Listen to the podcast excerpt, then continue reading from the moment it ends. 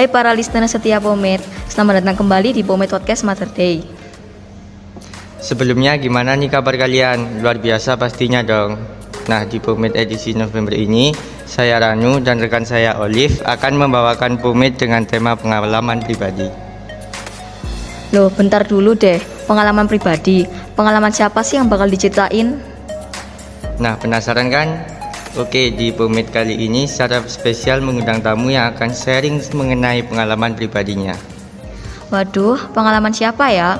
Baiklah, tanpa berlama-lama lagi, langsung saja kita panggilkan tamu spesial kita, Ketua OSIS SMK Materi Probolinggo. Wah, tepuk tangan dulu dong. Halo Kak Grace, selamat datang di Pomet. Gimana nih kabar Kak Grace? Halo, halo juga para pendengar setia Pumet nih podcast Mother Day. Aku kabarnya pasti luar biasa ya, apalagi sekarang diundang nih di Pumet, jadi tambah semangat. Wah, salut nih sama Kak Grace. Mungkin sebelumnya Kak Grace bisa perkenalkan diri kakak kakak dulu nih. Siapa tahu teman-teman ada yang belum kenal. Oke, namaku Gracia Senkuen Femaruku, biasa dipanggil Grace, Gracia, ada juga yang manggil Wendy ya, entah panggilan dari mana. Tapi semuanya itu boleh asal manggilnya sesuai dengan nama dan citraku. Wah, Kak Kris, kalau boleh tahu motivasi apa yang membuat Kak Kris semangat dalam menjalankan tugas dan kewajiban Kak Kris sebagai Ketua OSIS? Yang pasti itu motivasi untuk belajar, dapat pengalaman baru tentang organisasi. Apalagi ditambah punya teman-teman kepengurusan OSIS yang semangat semua nih, OSIS Adi Brata Sahitya. Wah, itu bikin tambah semangat, bikin tambah termotivasi. Wah, kayaknya motivasi Kak Grace sangat kuat nih. Motivasi ini dapat dari pengalaman atau gimana nih Kak?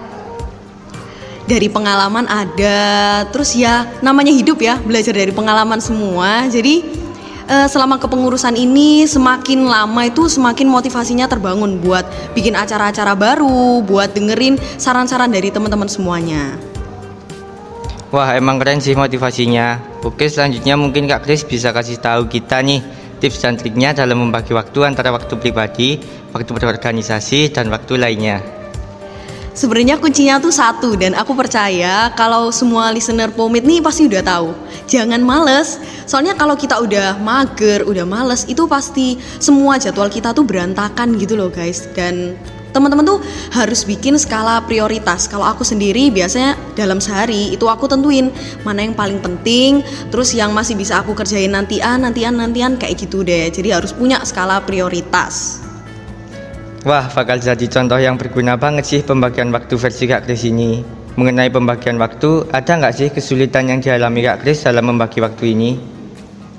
Pasti ada ya, seperti yang udah aku bilang tadi ya itu mager, males. Aduh, kalau udah kena virus mager sama males ini, wah parah banget sih ya. Apalagi kalau misalnya kita lagi banyak tugas, tapi kayak temen-temen tuh ngajain nongki kayak keluar pasti kayak tergerak kan, pingin keluar, pingin jalan-jalan. Ya tapi kayak gitu kadang harus ditolak supaya kita bisa lebih baik ke depannya. Kita juga harus bedain mana yang menikmati masa muda sama menghancurkan masa depan kita. Kita harus bisa bedain itu sih. Hmm, iya sih, kadang pasti sulit dalam membagi waktu. Maka dari itu, buat para listener Pomade, gunakan waktumu dengan baik dan dengan kegiatan yang positif ya. Oke, dari tadi aku kepo nih Kak Grace, ada nggak sih pengalaman berorganisasi yang buat Kak Grace merasa down banget? Kalau ada, bisa nih diceritain dan cara ngatasinnya gimana? Pengalaman yang down banget sih sebenarnya nggak ada ya, cuman mungkin pasti ada rasa sedih, kadang kecewa kalau misalnya acara yang udah kita rencanain tuh nggak berjalan dengan lancar. Tapi ya biasanya aku mengatasi dengan kalau nggak doa sama Tuhan, karena kan Tuhan yang paling kenal kita nih ya, asik rohani dulu nih. Nah kalau enggak sih biasanya aku sharing ke temen kayak bestie aku, kayak ke temen yang bener-bener bisa ngerti uh, masalah hati aku, kayak masalah pikiran aku. Jadi dari kita sharing itu kita nggak jadi beban diri sendiri gitu. Wah, kayaknya Kak Grace ini tipikal orang yang penuh energi dan semangat ya. Bener banget. Eh, tapi kalau Ranu, ada nggak sih pengalaman yang bikin kamu merasa down banget? Ada sih, ya kayak capek pulang sekolah, langsung ada kegiatan OSIS dan belum kerja tugas gitu. Tapi dari pengalaman ini membuat aku merasa lebih dewasa karena aku bisa mengatasi dengan baik. Wah, keren banget nih Kak Ranu. Nah, lanjut Kak Grace. Kalau tadi ngomongin hal yang bikin down, sekarang hal yang bikin senang deh. Ada nggak sih pengalaman paling senang selama berorganisasi? Kalau seneng tuh semua pengalaman di OSIS Adi Brata Sahitya ini itu seneng nyenengin banget gitu loh. Jadi aku kalau ngeliat temen-temen lagi bercanda itu aku ngerasa kayak wah happy banget. Terus juga kalau acara jalan dengan lancar, teman-teman datang tepat waktu, wah itu udah sebuah penghargaan dan sebuah kesenangan sendiri sih buat aku. Wah, setuju banget nih kak. Oh iya kak, ada nggak sih pesan yang ingin disampaikan untuk kepengurusan OSIS yang baru nantinya? Ya, semoga teman-teman bisa menjalankan tugasnya dengan baik, terus juga bisa tepat waktu karena kalau misalnya kita nggak tepat waktu tuh semuanya tuh bakal berantakan. Terus juga tetap rendah hati, stay humble dan juga uh, aku mau share ya. Ini ada satu moto buat aku yang aku dapetin selama aku berorganisasi adalah semua hal itu pasti ada sisi baiknya. Seburuk apa pun orangnya, kadang emang ada orang yang ngeselin di organisasi ya, kayak yang suka marah-marah, suka telat lah, suka uh, hadir pas rapat, itu nggak apa-apa ya mereka pasti punya sisi lain yang bisa menutupi kekurangan mereka itu sih. Nah, pesannya kan udah. Kalau kesannya Kak untuk pengurusan OSIS tahun ini?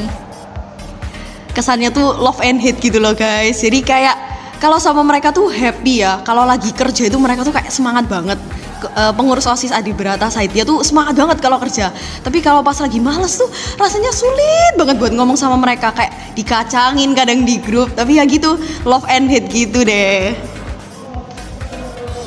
Wah, semoga pesan kesan dari Kak Kris dapat bermanfaat ya. Untuk Kak Kris, kami ucapkan terima kasih sudah hadir dalam Pumet edisi bulan ini. Kami mohon maaf juga kalau ada kesalahan kata yang kurang berkenan di hati Kak Kris. Santuy, makasih juga ya udah ngundang aku nih. Terima kasih dan sampai jumpa Kak Grace, sukses selalu. Wah, gimana nih Olive untuk edisi kali ini? Boleh dong kasih pendapat? Oke, menurutku momen kali ini sangat bermanfaat ya, apalagi kita baru saja kedatangan tamu spesial. Setuju banget. Mungkin sekian dulu episode momen kali ini. Mohon maaf kalau ada kesalahan kata yang kurang berkenan. Semoga sharingnya bermanfaat bagi kita semua. Saya Olivia dan saya Ranu. Pamit untuk undur diri sampai, sampai jumpa, jumpa di bumi selanjutnya.